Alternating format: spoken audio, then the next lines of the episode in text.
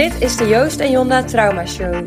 De podcast over psychotrauma, de gevolgen en de behandeling. Goedemorgen Jonda. Goedemorgen Joost.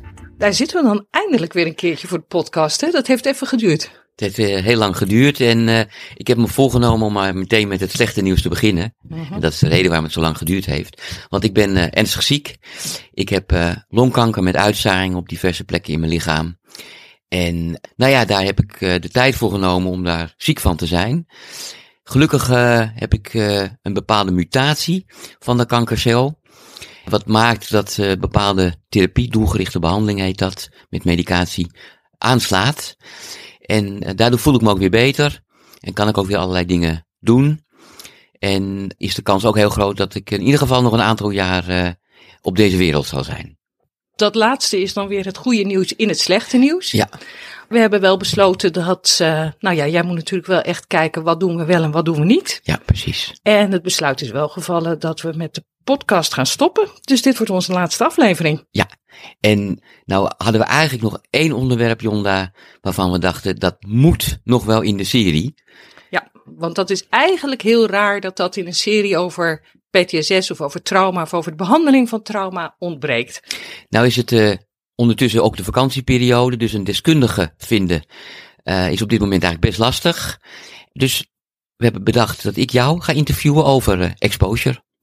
Ja, en dat betekent dus dat ik ga doen alsof ik de deskundige ben. Jij gaat doen alsof je deskundig bent en volgens mij ben je dat ook.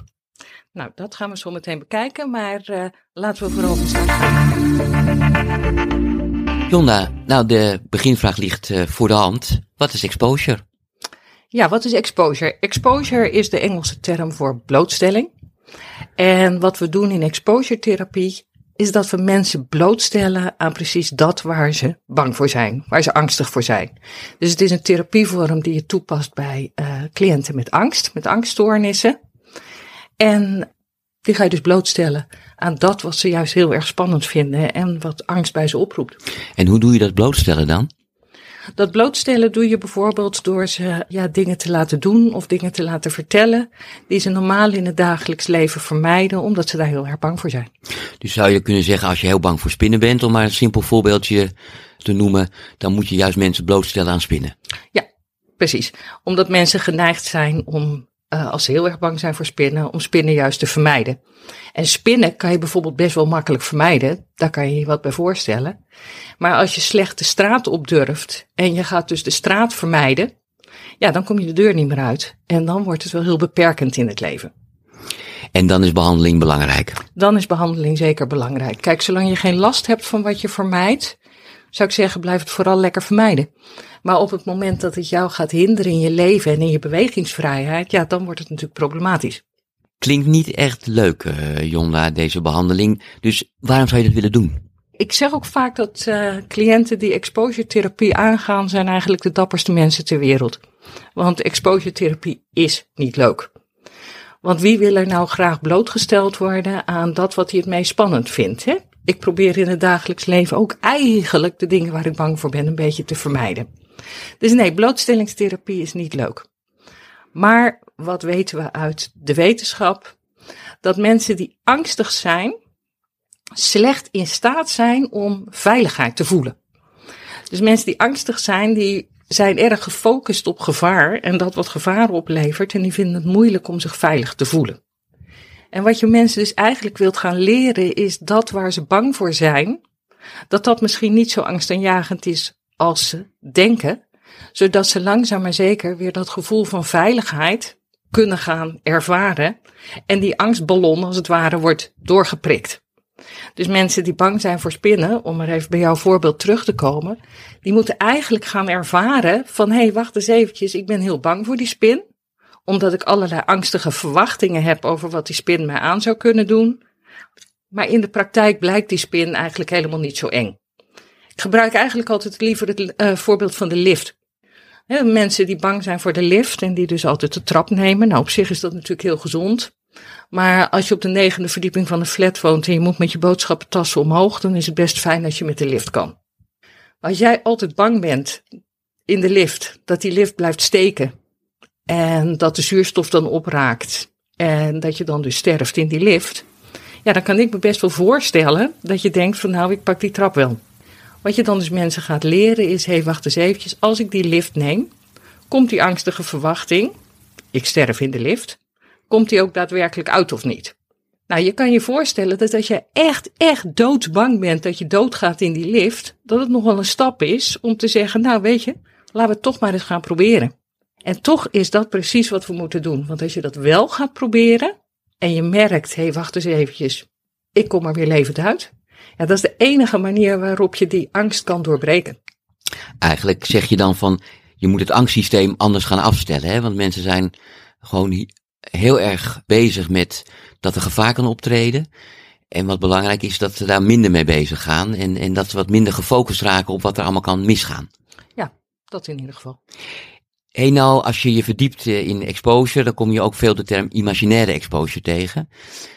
Kun je daar wat over zeggen? Wat, wat is dan precies imaginaire exposure? Ja, imaginaire exposure is uh, een van de eerst aangewezen behandelmethodieken bij de behandeling van PTSS naast EMDR. En uh, als het dus gaat over trauma en traumabehandeling, dan kom je inderdaad de term imaginaire exposure veel tegen. En waar bij imaginaire exposure om gaat, is dat je iemand niet blootstelt heel direct aan iets uh, concreets, maar dat het gaat over uh, iets in de verbeelding, imaginatie. En om nog specifieker te zijn, dat je iemand blootstelt aan het verhaal van de herinnering van de traumatische gebeurtenissen. Veel mensen die iets heel afschuwelijks hebben meegemaakt, vinden het heel eng om terug te gaan naar die herinnering. Omdat ze daar allerlei angstige verwachtingen bij hebben.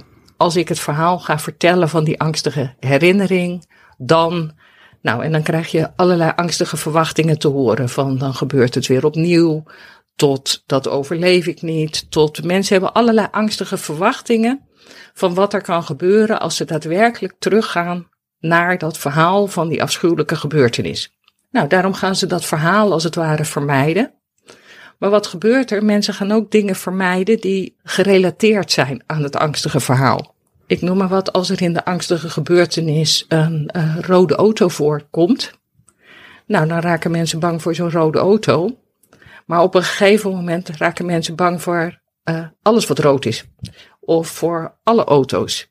En dan krijg je dus een soort van olievlek van angst, die bij dat verhaal hoort, waardoor mensen steeds meer gaan vermijden en hun leven steeds verder beperkt wordt. Dus wat je bij imaginaire exposure doet, is dat je met mensen teruggaat naar dat verhaal en gaat onderzoeken of die angstige verwachting die ze hebben bij het aangaan van dat verhaal, of die ook daadwerkelijk uitkomt. Een belangrijk onderdeel van uh, imaginaire exposure is ook dat je de behandeling opneemt of de sessie opneemt. En uh, cliënten krijgen die opname mee naar huis. En uh, die krijgen als huiswerkopdracht ook om die opname geregeld terug te luisteren. Dus exposure thuis? In wezen wel. En Jonda, hoe gaat nou zo'n exposure sessie in zijn werk? Jij zit daar met een cliënt. -huh. Die is natuurlijk hartstikke zenuwachtig, denk ik. -huh. En dan? Nou, eerst ga ik die cliënt uitleggen waarom we dit doen. Want uh, nogmaals, exposure is echt naar en echt eng en echt moeilijk. Dus mensen moeten ook echt wel echt goed snappen waarom ze dit gaan doen. En ik wil ook zeg maar de toestemming van de cliënt hebben om dit daadwerkelijk te gaan doen.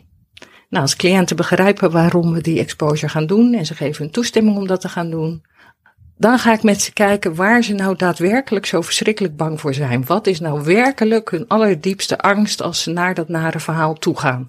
Nou, dat is soms best eventjes een puzzel om die angstige verwachting, om die echt scherp te krijgen. Maar die angstige verwachting willen we scherp hebben, want dat gaan we toetsen. Hè? We willen gaan toetsen, komt die angstige verwachting die jij hebt, komt die ook daadwerkelijk uit? Of komt die niet uit? Of komt die een beetje uit, maar valt het eigenlijk wel mee? Dus die angstige verwachting, die moeten we helder hebben. Daar moet je echt de tijd voor nemen om dat goed uit te zoeken. Daar moet je even de tijd voor nemen om dat goed uit te zoeken. En soms lukt dat niet helemaal. Dan zeg je, nou ja, laten we maar beginnen. Volgens het protocol moet je daar geloof ik zeven minuten voor nemen maximaal. Wat je dan moet doen, en dat klinkt altijd een beetje naar, is dat je het eigenlijk zo spannend mogelijk voor de cliënt moet maken. Want als de cliënt nog allerlei mogelijkheden heeft om de angstige spanning te vermijden, ja, dan kan je nooit echt toetsen of die angstige verwachting nou uitkomt als je het nare verhaal helemaal aangaat. Dit is het nare stukje altijd. Je maakt het eigenlijk voor cliënten zo moeilijk mogelijk om nog te kunnen vermijden. Nou, hoe doe je dat? Ik zeg altijd tegen cliënten van, nou zet eventjes twee voeten plat op de grond. Leg je handen op tafel, want een belangrijke manier waarop eh, mensen spanning vermijden is om te gaan friemelen met hun handen. En als ze hun handen plat op tafel leggen, dan kunnen ze minder friemelen. En als ze gaan friemelen, dan kan ik in ieder geval meteen zien dat er gefriemeld wordt. En wordt de spanning dus hoger? En wordt de spanning hoger. Ik vraag aan mensen om hun ogen dicht te doen. Uh, dat op zich kan voor veel mensen al spannend zijn. En ik vraag ze het verhaal te vertellen in de ik-vorm en in de tegenwoordige tijd. Dus alsof het nu gebeurt. Dus niet uh, ik liep over straat, maar ik loop over straat. Wat ik dan ga doen is vragen stellen waarmee ik het zo levendig mogelijk maak. Wat zie je? Wat hoor je? Wat voel je? Wat ruik je? Ik laat mensen eens eventjes inzoomen op een eng stukje. Of het verhaal langzaam afspelen. Wat bedoel je met inzoomen? Nou, kijk, ga er eens eventjes heel dicht naartoe. Wat zie je daar nou precies? Vertel eens even wat details. Dus wat ik doe is vragen stellen waardoor het hele verhaal zo levendig mogelijk voor mensen wordt. Zo echt mogelijk, zo spannend mogelijk. Dus als het bijvoorbeeld over een dader gaat van goh, wat voor kleur ogen had die? Keek die je aan of keek die van je weg? Dat soort dingen. Dat is inzoomen. Wat is inzoomen? Ja. Dus eigenlijk wat je doet, is dat je het zo spannend mogelijk maakt. Dat je zorgt dat de spanning zo hoog mogelijk blijft. Je vraagt de cliënt tussendoor, en hoe hoog is de spanning nu? Op een schaal van 0 tot 100. En eigenlijk wil je het liefste dat die spanning voortdurend boven de 80 is. Dus het moet echt, echt, echt heel spannend zijn. Dat is heel naar, maar alleen als die spanning zo hoog is, kan je daarna toetsen, want het was zo eng. Maar is er nou daadwerkelijk gebeurd, is die angstige verwachting uitgekomen? En zo ja, was het echt zo vreselijk als je van tevoren dacht dat het zou zijn. Maar ik kan me voorstellen dat het voor sommige mensen zo spannend is. Ja, dat mensen aan het eind van het uur heel angstig de sessie uitgaan. Klopt dat? Het klopt dat het kan gebeuren dat mensen heel angstig uh, de sessie verlaten. Dat is niet fijn. Dat is helemaal niet fijn voor de cliënt. In het kader van de exposure kan het ontzettend goed zijn, omdat ja, ook als mensen angstig de sessie uitgaan, zelfs als ze heel angstig de sessie uitgaan, blijf je bezig met toetsen van ja, komt die angstige verwachting die je had, komt die nou uit of niet? En eigenlijk kan het heel goed zijn als mensen ook buiten de therapiekamer ervaren dat die angstige verwachting niet uitkomt. Want in principe kunnen ze in de therapiekamer nog denken dat de angstige verwachting niet is uitgekomen, omdat ze in de veiligheid waren van de therapiekamer, omdat ik als therapeut erbij was. Dus in wezen kunnen ze dan nog denken dat er allerlei verzachtende omstandigheden waren waarom de angstige verwachting niet uitkwam. Ja, want mijn ervaring is dat mensen ook vaak bang zijn dat ze instorten, hè, compleet instorten of op een gesloten psychiatrische afdeling uh, terechtkomen. Ja, die verwachting komt niet uit. En dan zijn mensen natuurlijk ook inderdaad opgelucht en trots. Kan ik me heel goed voorstellen. Ja, dat vind ik een van de mooie dingen van uh, imaginaire exposure. Dat mensen vaak, uh, als ze het zijn aangegaan en ze hebben het gedaan, het ook als een overwinning ervaren. En daarin dus ook heel erg hun eigen kracht ervaren. Dat ze ook heel erg gaan voelen van verhip, ik kan eigenlijk veel meer aan dan ik eigenlijk dacht. Wat je ook doet is als je ziet dat de spanning te hoog oploopt, nou, dan kan je wat kleine aanpassingen doen. dan zeg ik bijvoorbeeld tegen mensen van, nou, de spanning wordt nu zo hoog, doe maar even je ogen open. Wat is te hoog dan? Nou, als die spanning echt over de 100 loopt of mensen dreigen, zeg maar, uh, ja, wat weg te raken, te dissociëren, zoals dat heet. Hè. We hebben het eerder over dissociëren gehad met Rafael Huntjes. Ja. Uh, maar als je dus merkt dat mensen er eigenlijk niet goed bij kunnen blijven, omdat het te spannend wordt, nou, dan zet je wat dingetjes in om het iets minder spannend te maken. Maar ik blijf wel, als het even kan, altijd met die spanning boven die 80. Als ik er zo wat over nadenk en, en, en, en jou hoor, dan betekent het ook nogal wat voor de therapeut, denk ik. Dat is absoluut zo. Want niet alleen cliënten kunnen vermijden en vermijdingsgedrag inzetten. Bijvoorbeeld door een stukje van het verhaal niet te vertellen. Hè. Een van de vragen aan het eind van de exposure is ook altijd: en wat heb je me nu nog niet verteld? Oeh, nare vraag. Ja, dat is een nare vraag. Therapeuten kunnen ook gaan vermijden. En dat is ook niet zo gek, want het is niet leuk om iemand bang te maken. En wij psychologen hebben toch vaak een beetje de neiging om het mensen comfortabel te willen maken en prettig te willen maken. Terwijl uh, zachte heelmeesters soms stinkende wonden maken. En dat geldt zeker voor exposure therapie. Om het werkzaam te laten zijn, moet je mensen bang maken. En ja, dat, dat is inderdaad naar en moeilijk en lastig. En waar je voor uit moet kijken als therapeut is dat je dan niet als het ware in de vermijding schiet. Omdat je het de cliënt een beetje makkelijker wil maken. Want uh, ja, als dat gebeurt, dan help je eigenlijk de exposure therapie van je cliënt om zeep. Dus het is vooral als je exposure therapie wil gaan geven, is het echt belangrijk dat je heel erg goed snapt waarom je dit doet. En waarom is het in het belang van deze cliënt op dit moment om deze therapie nu in te zetten? Want alleen dat je echt snapt waarom je doet wat je doet, ja, is het mogelijk om ook de angst van de cliënt te verdragen. Ja, en ik kan me voorstellen dat sommige mensen extra goed in exposure zijn en andere therapeuten het misschien beter niet kunnen doen, omdat ze er echt gewoon niet zo goed tegen kunnen. Ja, daar kan ik me ook van alles bij voorstellen. Hè? Ik bedoel, niemand is goed in alles. En de ene therapievorm ligt je beter om die uit te voeren dan de andere therapievorm. En ja, dat geldt dus ook voor uh, exposure therapie.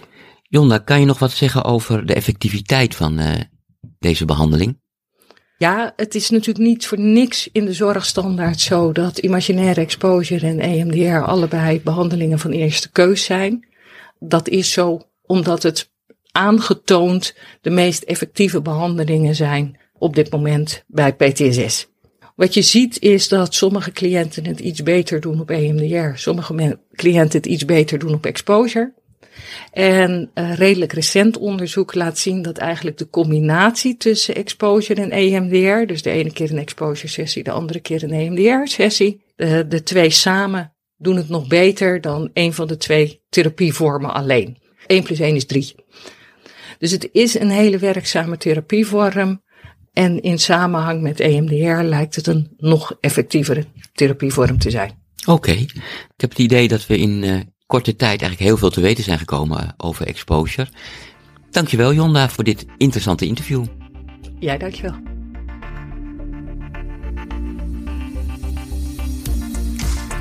Je luisterde naar de laatste aflevering van de Joost en Jonda Trauma Show.